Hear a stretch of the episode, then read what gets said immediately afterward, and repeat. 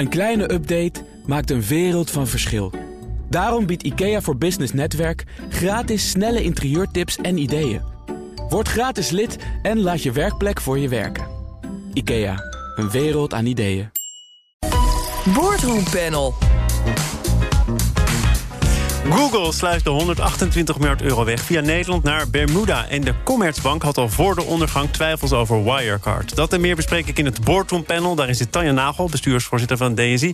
Commissaris bij onder andere EY Nederland, PNO Consultants en Uncode. En Hugo Reumkes, partner en advocaat bij Van Doornen... voorzitter van de Raad van Toezicht van de Tilburg University. Welkom. En um, ik kijk natuurlijk naar jullie allebei, maar ook met verwachting naar Hugo. Want jij wil het hebben over het Anglo-Saxische via het, uh, versus het Rijnlandse model. Nou, dat is nog alles even een entree in dit panel. Ja, ja, ja. Wij, wij juristen hebben niet stilgezeten tijdens de coronacrisis. Sterker nog, er is een uh, pleidooi gehouden door 25 hoogleraren ondernemingsrecht. En die hebben eigenlijk gezegd: het wordt tijd om toch eens wat anders te kijken naar die modellen. Je weet, we hebben uit het verleden altijd het Anglo-Saxische model waarbij de aandeelhouder voorop staat. En het Rijnlandse model met alle stakeholders. En zij zeggen eigenlijk, ja, er is iets bijgekomen. Dat is namelijk de maatschappelijkheid. Dus de ondernemingen hebben ook maatschappelijke taken en rollen. En dat maatschappelijke moet veel meer in die ondernemingen terugkomen. En daar kennen we een beetje van uh, een discussie in de Verenigde Staten. De CEO van BlackRock is daar ook al mee begonnen met purpose. En dat klinkt nu langzaam door ook in de Nederlandse verhoudingen. En de bedoeling is eigenlijk dat dat, uh, dat, dat vrij snel gaat. En eind vorig jaar heeft de advocaat-generaal uh, uh, in een interview in het FD ook aangekondigd dat hij ziet in de rechtspraak dat dat gaat gebeuren. Dus ik verwacht daar echt veel van. En wacht, is dit de groep hoogleraren onder aanvoering van Jaap Winter? Ja, inderdaad. Die ook zegt dat daar wettelijk het een en ander over moet worden vastgelegd? Ja, maar ja, misschien. Nou, daar ging het vooral over volgens ja. mij de afgelopen maanden dan in die discussie. Ja, ja, die, die wet, die, uh, nou ja, dat zal wel een tijdje duren voordat het echt helemaal is aangepast. Maar, maar ben je verwacht... er ook een voorstander van, dat het ja. wettelijk wordt vastgelegd? Nou, ik, ik weet niet of de wet nou direct moet worden aangepast... maar je zult zien dat de verkeersopvatting, hè, zoals de rechter naar open normen kijkt... dat die steeds meer doorklinkt ook hierin. En uh, ik heb zo het vermoeden dat we straks ook wel wat onderwerpen gaan bespreken... waarin je steeds terugziet dat die maatschappelijke rol steeds belangrijker wordt. En uh, dat bestuurders en toezichthouders daar ook worden afgerekend. Maar het zou ook best fijn zijn als je via de Corporate Governance Code... al op kortere termijn er wat meer mee zou kunnen doen... Ja. En mensen dat vanuit zichzelf gaan doen... in plaats van dat het weer wettelijk afgedwongen moet worden... en we weer gaan vinken of we aan de wet hebben voldaan. Exact. Ja, het is wel iets waar, denk ik, uh, bijvoorbeeld in hele algemene dingen... als de doelomschrijving van de statuten... Dat je daar ook goed naar kijkt of die, die rol goed ver, verankerd is. Maar het is wel een interessante ontwikkeling, omdat hij, hij sluimerde al een tijdje... maar door corona lijkt hij opeens heel prominent in de discussie uh, terug te komen. En, en, en, wat staat er dan op het spel? Als je geen duidelijk doel hebt, dan voldoe je niet aan je maatschappelijke plicht? Want bijvoorbeeld nee, maar... die CEO van BlackRock, daar kun je natuurlijk op verschillende manieren naar kijken. Hartstikke mooi dat hij zich wil inzetten voor het verbeteren van de wereld. Maar als je goed kijkt naar zijn portefeuille... dan zit er natuurlijk ook voldoende in waarvan je denkt... oh, is dat dan de betere wereld? Ja, dat klopt. Maar het zit er misschien ook wel in dat je, uh, als je steun zoekt bij overheden, dat je misschien daar ook iets voor terug moet doen. Zoals bij de banken nu ook dat uh, de, poort, de poortwachtersfunctie. Allerlei taken uh, die de overheid in het verleden deed, die nu veel meer bij het bedrijfsleven worden gelegd. Ja, en dat daar meer een wisselwerking komt. Uh. Ja, overigens vind ik dat ook wel een interessant voorbeeld. Want vervolgens hebben we net ook van de week een uitspraak gehad van de rechter waarin werd vastgelegd dat de ING niet zomaar allerlei klantgroepen mag weigeren. Ja. Um, dus daar, daar begint natuurlijk ook wel een beetje te wringen. Wat leg je dan maatschappelijk bij een, een bedrijf neer en hoe is die dan in staat om dat uit te voeren? Uh, het is wel een hele boeiende discussie. Ik denk dat we daarmee ook komen op het snijvlak van wat is nou lief, liefdadigheid waar een bedrijf aan voldoet en wat is nou die maatschappelijke rol, want die gaat natuurlijk vele malen verder. En kun je al veel, uh, jij bracht dat net zelf te berden, veel regelen via die corporate governance code, want die is natuurlijk ook niet voor niks. Ik denk dat daar een heleboel in is gebeurd de afgelopen jaren. En, en dat dat ook iets zou zijn waar je dan misschien. Want wetgeving gaat inderdaad natuurlijk heel lang duren. Um, waarin je op kortere termijn toch ook uh, dingen met elkaar kunt bespreken. en kunt vastleggen welke kant je op wil. Ja, Jaap Winter zei volgens mij daarover. Over die wet, want daar ging het dus veel over. Ja, we kunnen beter zelf als bedrijven uh, daar het voortouw nemen. Want voor je het weet, uh, verzinnen ze in Den Haag iets. en zitten we daarmee opgescheept. de vlucht naar voren. Ja, het is een preemptive strike noem je dat dan. Hè? Dus uh, je zorgt ervoor dat, uh, dat dit gebeurt. Het is ook precies wat met de code in de tijd ook is gebeurd. Uh, vooruitlopend op eventuele wetgeving is toen die code ontwikkeld. En nou, dat lijkt nu ook een goede oplossing om, om dat te doen. Maar de beweging, en dat is denk ik vooral interessant voor hier en van de boardrooms... is, is wel die kant uit. En ik denk dat dat onomkeerbaar is. Er was eh, voor Google ook een eh, beweging een andere kant op, namelijk richting Bermuda. Uh, Google sluit in de afgelopen acht jaar 128 miljard euro via een Nederlands dochterbedrijf die kant op. Ik sprak net met Just Spee, voorzitter van de KNVB. En toen hij wegliep, zei hij: Je bent je ervan bewust dat je aan het framen bent, hè? dat wegsluizen. Je kunt ook gewoon zeggen: het is een financiële constructie en Google doet wat mag. Heeft hij daar feitelijk gewoon gelijk in? Volgens mij doen wij altijd aan framing als we dingen bespreken. Want je doet dat altijd vanuit je eigen perspectief. Als journalist moet je het misschien zo neutraal mogelijk formuleren. Nee, ik was blij met de correctie. Uh, dus misschien heeft hij daarin uh, wel gelijk. Maar ik denk wel, als, als ik met dit soort nieuws word geconfronteerd, dan denk ik altijd: ja, waarom hebben we die mogelijkheid nog? Waarom bieden we die? Ja, overigens moet ik daar dan als journalist ook over zeggen... en jij weet het ongetwijfeld ook, dat Google ermee gestopt is... omdat er iets veranderd is in hoe Nederland dit soort geldstromen belast. Ja, dat is zo. Um, uh, maar je zou willen dat het überhaupt niet meer aan de orde is. En uh, dat je daarmee ook af bent van dit soort fenomenen... waarin Nederland dan ook heel vaak een rol speelt. Of heeft gespeeld. Ja, Nederland speelt er inderdaad heel vaak een rol in. Als je dit soort bedragen dan voorbij ziet komen... dit soort nieuwsfeiten voorbij ziet komen... het, het, het gaat over hele grote bedragen... maar echt verbazingwekkend is het niet eens meer, Hugo. Nee, de, de, discussie hier is denk ik veel meer... Uh, als iets kan, moet je het ook willen. Hè? Dat, uh, want in principe, de wet stond er toe. Uh, en waar de weerstand eigenlijk komt... is of het ook moreel wel acceptabel is. Hè? Hier gaat het dan over, over plat geld. Maar je ziet dat er een enorm bedrag aan belasting is ontweken... en dat de Nederlandse overheid er eigenlijk maar een fractie van... een belastinginkomst heeft gehad. En Google haast zich dan om te zeggen... dat ze wereldwijd wel nog redelijk wat belasting betalen. Ja, want het is van Bermuda weer teruggegaan naar de VS... en toen is er wel belasting over betaald. Ja, maar we weten niet precies waar en hoeveel. Nee, nee, nee, dat weten we niet. Ik ben nog bezig met mijn onderzoek. maar het zal niet zonder reden zijn geweest dat ze het hebben gedaan. En de vraag is natuurlijk of je als overheden dit zo moet faciliteren... en tegelijkertijd als onderneming of je dit moet willen.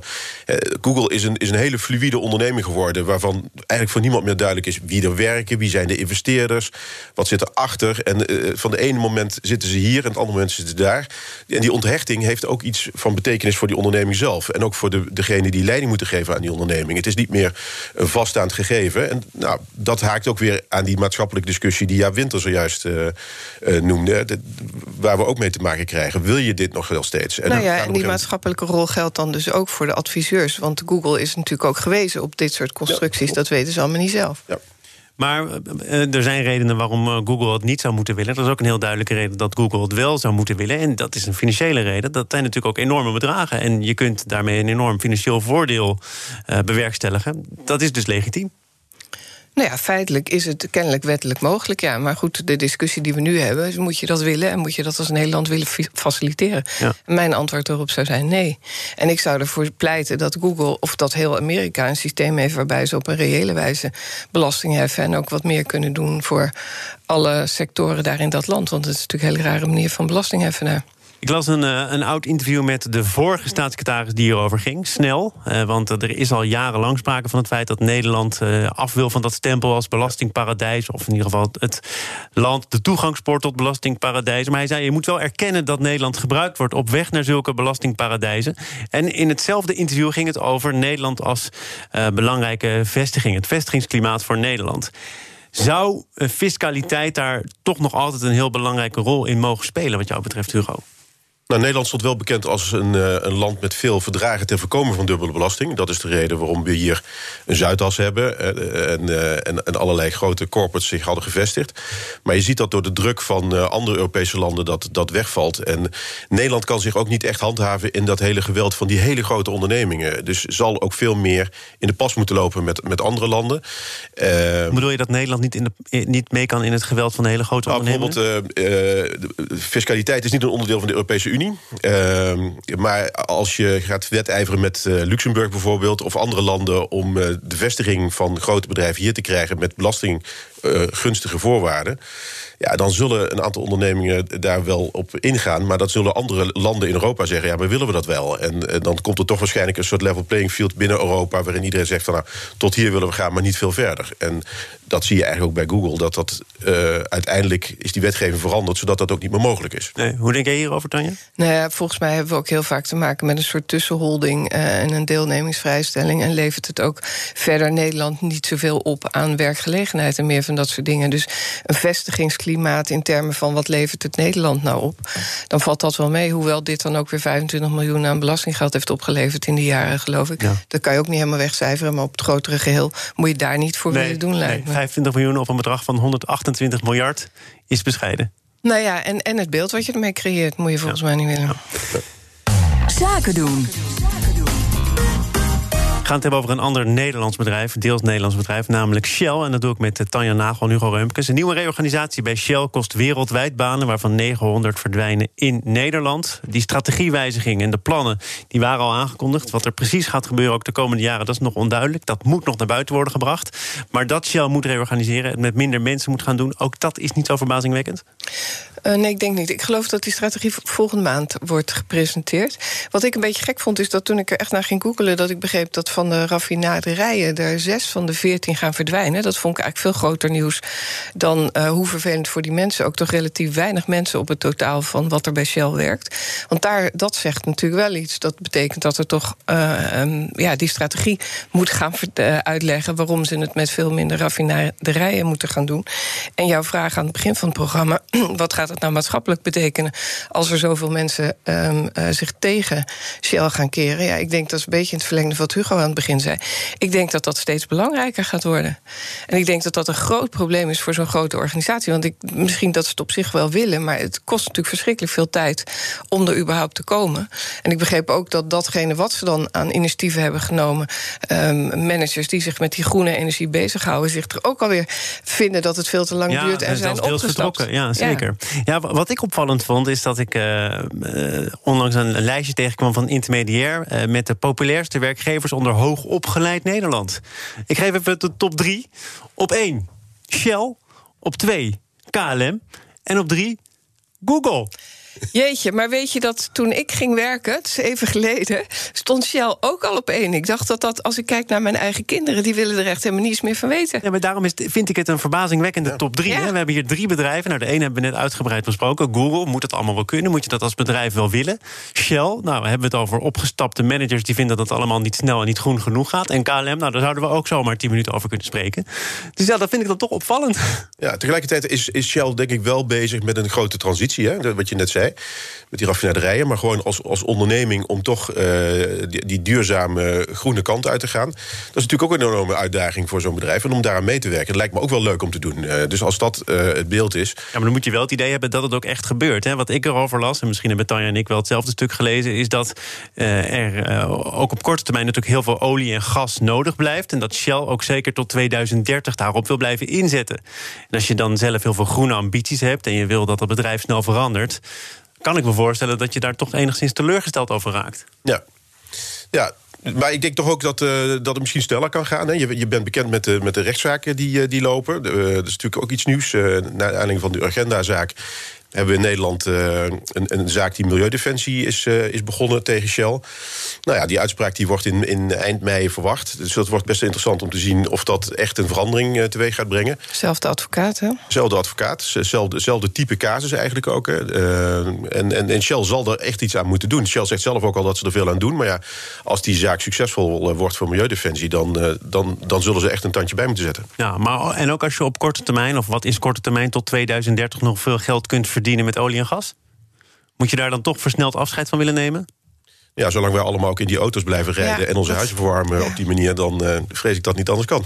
Ja, weet je, dat heb ik ook. Ik, ik denk dan ook, ja, en elke keer denk ik het toch weer. Uh, dus, uh, maar dat, ja... Dus de vraag is ook, wat, wat, is er nog nodig tot die tijd... en wat kunnen ze afbouwen? En, en hoe brengen ze dat dan in balans? En hoe kunnen ze op een positieve manier naar buiten brengen... wat ze aan het doen zijn? Want daar zou ik ook wel wat meer over willen lezen. Want eerlijk gezegd, ik kijk niet elke dag naar de, de site van Shell... maar gisteren wel.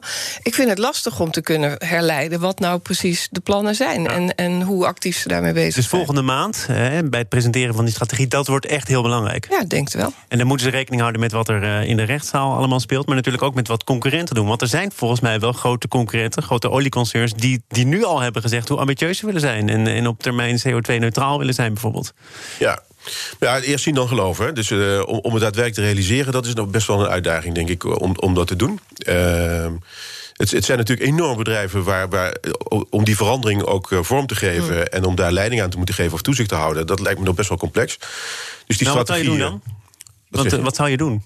Want je zegt dat is complex, dat is ook uitdagend, toch? Uh, zeker is dat uitdagend. Ik denk ook dat het, dat het daarom ook leuk is en dat al die jongeren daarom ook voor kiezen om uh, misschien toch nog wel bij Shell te gaan werken. Uh, om dat ook te doen. Er zijn mogelijkheden, het geld is er. En voor Shell is er ook een zekere mate van urgentie. Niet alleen door die rechtszaken, maar je ziet ook met dat dividend en al die andere zaken dat er wel een verandering is die niet meer teruggaat in de fles. Hè. Die geest is eruit. En uh, Shell zal er dus juist moeten doen. En ja, om die strategie mee te ontwikkelen en vervolgens ook uit te voeren. Ja, hoe mooi kan het zijn? We hadden het net trouwens over tanken. Ook daar zit Shell op in. Hè? Want als we allemaal een elektrische auto zouden hebben, dan betekent dat dat we langer bij de tankstations zijn en dat we meer broodjes en koffie gaan bestellen. De downstream zou ze overeind moeten helpen. Dat lijkt me wel heel erg. Dan worden ze de concurrent van Albert Heijn. Lijkt me ook niet helemaal de bedoeling. De downstream, dat is uh, het feit dat Shell producten maakt en andere producten verkoopt dan alleen maar olie en uh, gas uh, de aarde uit, uit laat stromen. Ja. Ik wil het met jullie hebben over een hele snelle groeier. dat is namelijk Just Eat Takeaway. Die kwamen gisteren met cijfers. en ook het nieuws dat ze voorlopig vasthouden aan een beursnotering in Nederland. Daar leek het eerder niet op, omdat ze het Amerikaanse Grubhub hebben overgenomen. Notering in Amerika. Ik sprak gisteren kort met topman Jitse Groen in BNR Zaken doen en hij zei dit. Dat betekent gewoon een, een wijziging van de situatie die we oorspronkelijk hadden natuurlijk. Dat we vanwege het visiebedrijf het hoofdkantoor in Amsterdam zouden neerzetten en een beursnotering in, uh, in, uh, in Londen. Ja, feit, feit is, is dat als je op drie plekken genoteerd bent, dat de handel zich ergens concentreert. En we weten natuurlijk van tevoren niet waar, dus dat, dat gaan we even aankijken. Dat zal een paar maanden op zich laten wachten, denk ik. Nou, is het logisch dat, dat het Just Eat Takeaway dit even op de langere baan schuift, Hugo? Ja, de liquiditeit uh, op de beurs is denk ik wel één argument. Een ander argument is dat de beleggers in Nederland er natuurlijk niet zo gelukkig mee waren als het hier zou eindigen.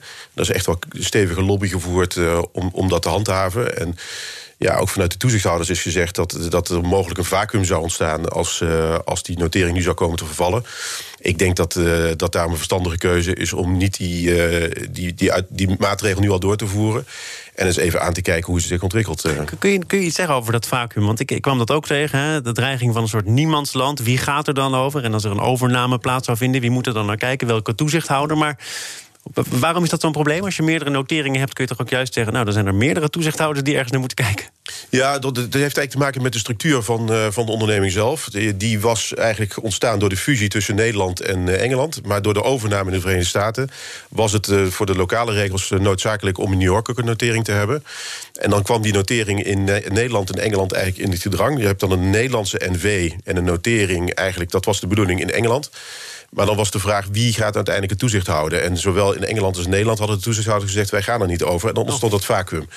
En uh, daar is uh, vanuit de VEB, maar ook in Medion en een aantal anderen nogal uh, tegen geageerd. En ja, dat is kennelijk een aanleiding geweest. Naast natuurlijk gewoon het commerciële aspect van de liquiditeit op drie verschillende beurzen. Om eens te kijken, misschien moeten we dat eerst eens even monitoren. En dan pas een beslissing nemen. Nederland is natuurlijk wel een hele kleine markt. Hè? Ook relatief gezien een steeds kleiner wordende markt. Ook al is het dan hier ooit begonnen. Ja, wereldwijd gaat het natuurlijk bijna nergens over. Nee, dat is zo. Maar het gegeven dat ze rustig de tijd willen nemen om te bekijken wat nou de beste oplossing is, lijkt me alleen maar heel verstandig. Ja, zeker. Nou, en we hebben je te groen weer even gehoord, Tanja. Nou, dat vond je leuk, toch? Ja, zeker. Jij volgens mij ook. Jij houdt hem goed in de gaten. Ja, zeker. Uh, laten we gaan naar een, naar een ander bedrijf dat ook uh, in de gaten wordt gehouden. Misschien te weinig in de gaten is gehouden de afgelopen jaren. Maar de Commerzbank uh, had toch al voor ondergang van Wirecard twijfels over integriteit.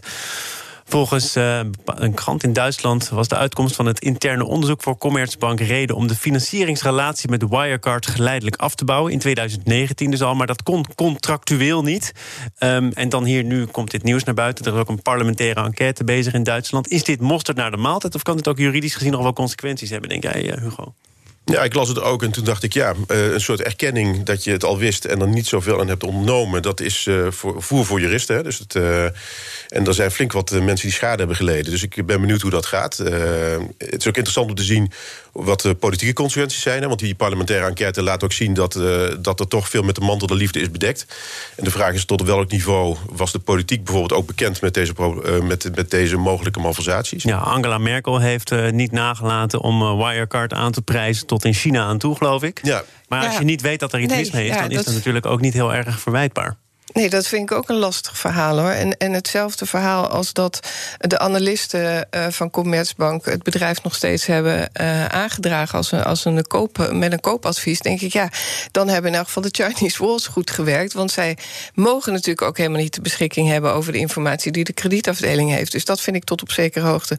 Of ze daar dan hun boekje in te buiten zijn gegaan, weet ik niet. Maar op zich vind ik al die positieve uh, uitstraling die mensen hebben gehad als je niks geweten hebt, vind ik op zich. Dus, dus dit is juist een, een goed teken. Er is een analist die zegt: uh, Wirecard, niks meer aan de hand. Ik zou het vooral kopen. En een ander deel van het bedrijf twijfelt al over de integriteit, over de gang van zaken daar. En het is dus eigenlijk niet de bedoeling dat die twee afdelingen met elkaar communiceren. Je hebt een Chinese wall waarbij je te maken hebt met het feit dat als jij als kredietafdeling meer weet van het bedrijf, wat je per definitie weet, omdat je allemaal informatie wilt hebben om een krediet te kunnen verschaffen, word je geacht dat niet te delen um, met de beleggers. Hier speelt natuurlijk wel dat de BaFin ook ervan wist. En dan is het natuurlijk wel de vraag: wat gaat die BaFin dan doen? De BaFin is de Duitse toezichthouder. Ja, en het bijzondere daarvan was wel dat er ook een heleboel uh, medewerkers van de BaFin aan het uh, investeren waren. Dus dat ja. zullen ook wel verschillende afdelingen met een Chinese wall zijn geweest, denk ik dan maar. Of niet, en dan is het helemaal een beetje gek. Um, maar die BaFin had natuurlijk, het, zo, zoals wij het nu begrijpen, want we zijn er natuurlijk niet bij geweest, hè, maar wat we nu hebben kunnen lezen is het meest verbazingwekkende, vind ik, dat die toezichthouder niks gedaan heeft.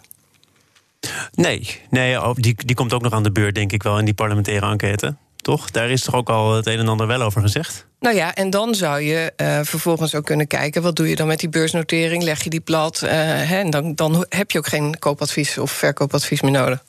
En, nog even naar, eh, naar de Commerzbank... en ook de relatie die de Commerzbank zou kunnen hebben... Met, met Nederlandse banken die er ook in hebben geïnvesteerd... zoals ING en ABN AMRO. Ja, ik zat te denken, hoor, maar misschien ben ik niet goed genoeg... op de hoogte van de Chinese muren.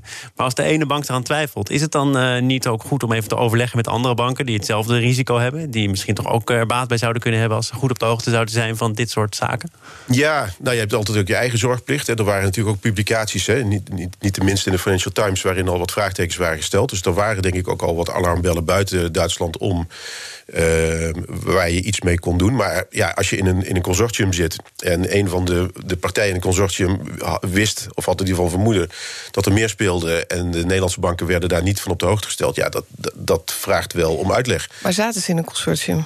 Of deden ze gewoon individueel? Dat weet ik niet. Wat ik had begrepen is in ieder geval dat, uh, dat ABN AMRO en ING hier ook bij betrokken waren. En, uh, en dat ze samen met Commerzbank daar okay. uh, in, in de groep zaten. En in dat geval zou een gezamenlijk overleg, of in ieder geval gezamenlijk op de hoogte zijn van, van wat er speelt binnen Wirecard, uh, best wel te verkiezen zijn. Ja, dus ik ja. zou dan toch eens een belletje naar Duitsland ja, maar doen. Waarom we... heb je me niet gebeld? Uh? Ja, maar dat weten we niet of dat niet gebeurd is. Hè? Nee, dat weet je niet. Nee. Nou, nee, ik, ik begreep juist dat dat niet gebeurd was. Oh, oké, okay, dat maar, heb ik niet gelezen. Maar goed, uh, dat is ook maar mijn eigen onderzoek hoor. Geef ik meteen toe. uh, hoe, hoe en moet het verder met Wirecard? Dat zijn eigenlijk twee vragen. Moet het verder en zo ja, hoe dan? Ja, dat vind ik zo lastig om daarover na te denken. Kijk, dat bedrijf heeft natuurlijk uh, vertrouwenstechnisch geen enkel bestaansrecht meer. Ik heb geen idee uh, wat er nog aan waarde in zit en wat je daarmee zou kunnen. En of het interessant is voor anderen om met het platform of wat ik geval door te gaan. Maar ik kan me niet voorstellen dat dit iets is waarvan je uh, volgend jaar zegt: Nou, het is er weer. Ik weet niet hoe jij er tegenaan kijkt, Hugo, maar ik, ik denk dat dit gewoon niet meer uh, gaat vliegen. Ja, iemand heeft in ieder geval de schade en, en, en die schade die zal men ergens proberen te verhalen. Ik hoop dan niet op de onderneming. Maar ja, je zou kunnen kijken dat misschien een partij uh, een belangrijk deel van de activiteiten wil overnemen. Ja. Uh, dat ligt in ieder geval wel voor de hand, denk ik. Mag en kan je dan een andere naam aannemen, zodat je min of meer een frisse start kunt maken? Ik denk dat er voldoende juristen zijn die daar wel een oplossing voor weten. Uh, maar ehm, ja, het gaat denk ik meer om de onderliggende business. En die was denk ik wel goed. Alleen de manier waarop het gehyped is en uiteindelijk uh, ten val is gekomen, daar zit het grote probleem. Maar wat kun je dan zeggen over de onderliggende business als, als de cijfers die naar buiten komen en de kredieten uh, totaal niet blijken te kloppen? Nee, dat zul je dus opnieuw moeten doen. Maar inmiddels is de waarde van de onderneming natuurlijk ook drastisch lager dan wat het was. En, en die komt niet meer terug. Maar die schade, die, ja, wie die moet oppakken, die rekening, dat, dat ligt denk ik vooral uh, nu Volgens voor. mij gaat het dan gewoon om de techniek of om ja. het platform. Of, want iets anders ga je niet meer geloven van dat bedrijf, lijkt mij. Dank voor jullie bijdrage aan dit boardroom panel. Tanja Nagel, bestuursvoorzitter van DSI, commissaris bij EY Nederland, PNO Consultants en Uncode. En Hugo Reumkes, partner en advocaat bij Van Doorn, ook voorzitter van de Raad van Toezicht van de Tilburg University. Tot een volgende keer. Uh, zometeen dan uh, praat ik uitgebreid met uh, Pim Visser van Visnet over de Brexit-deal en de consequenties voor de Nederlandse vissers. Een kleine update maakt een wereld van verschil. Daarom biedt IKEA voor Business Netwerk gratis snelle interieurtips en ideeën. Word gratis lid en laat je werkplek voor je werken. IKEA, een wereld aan ideeën.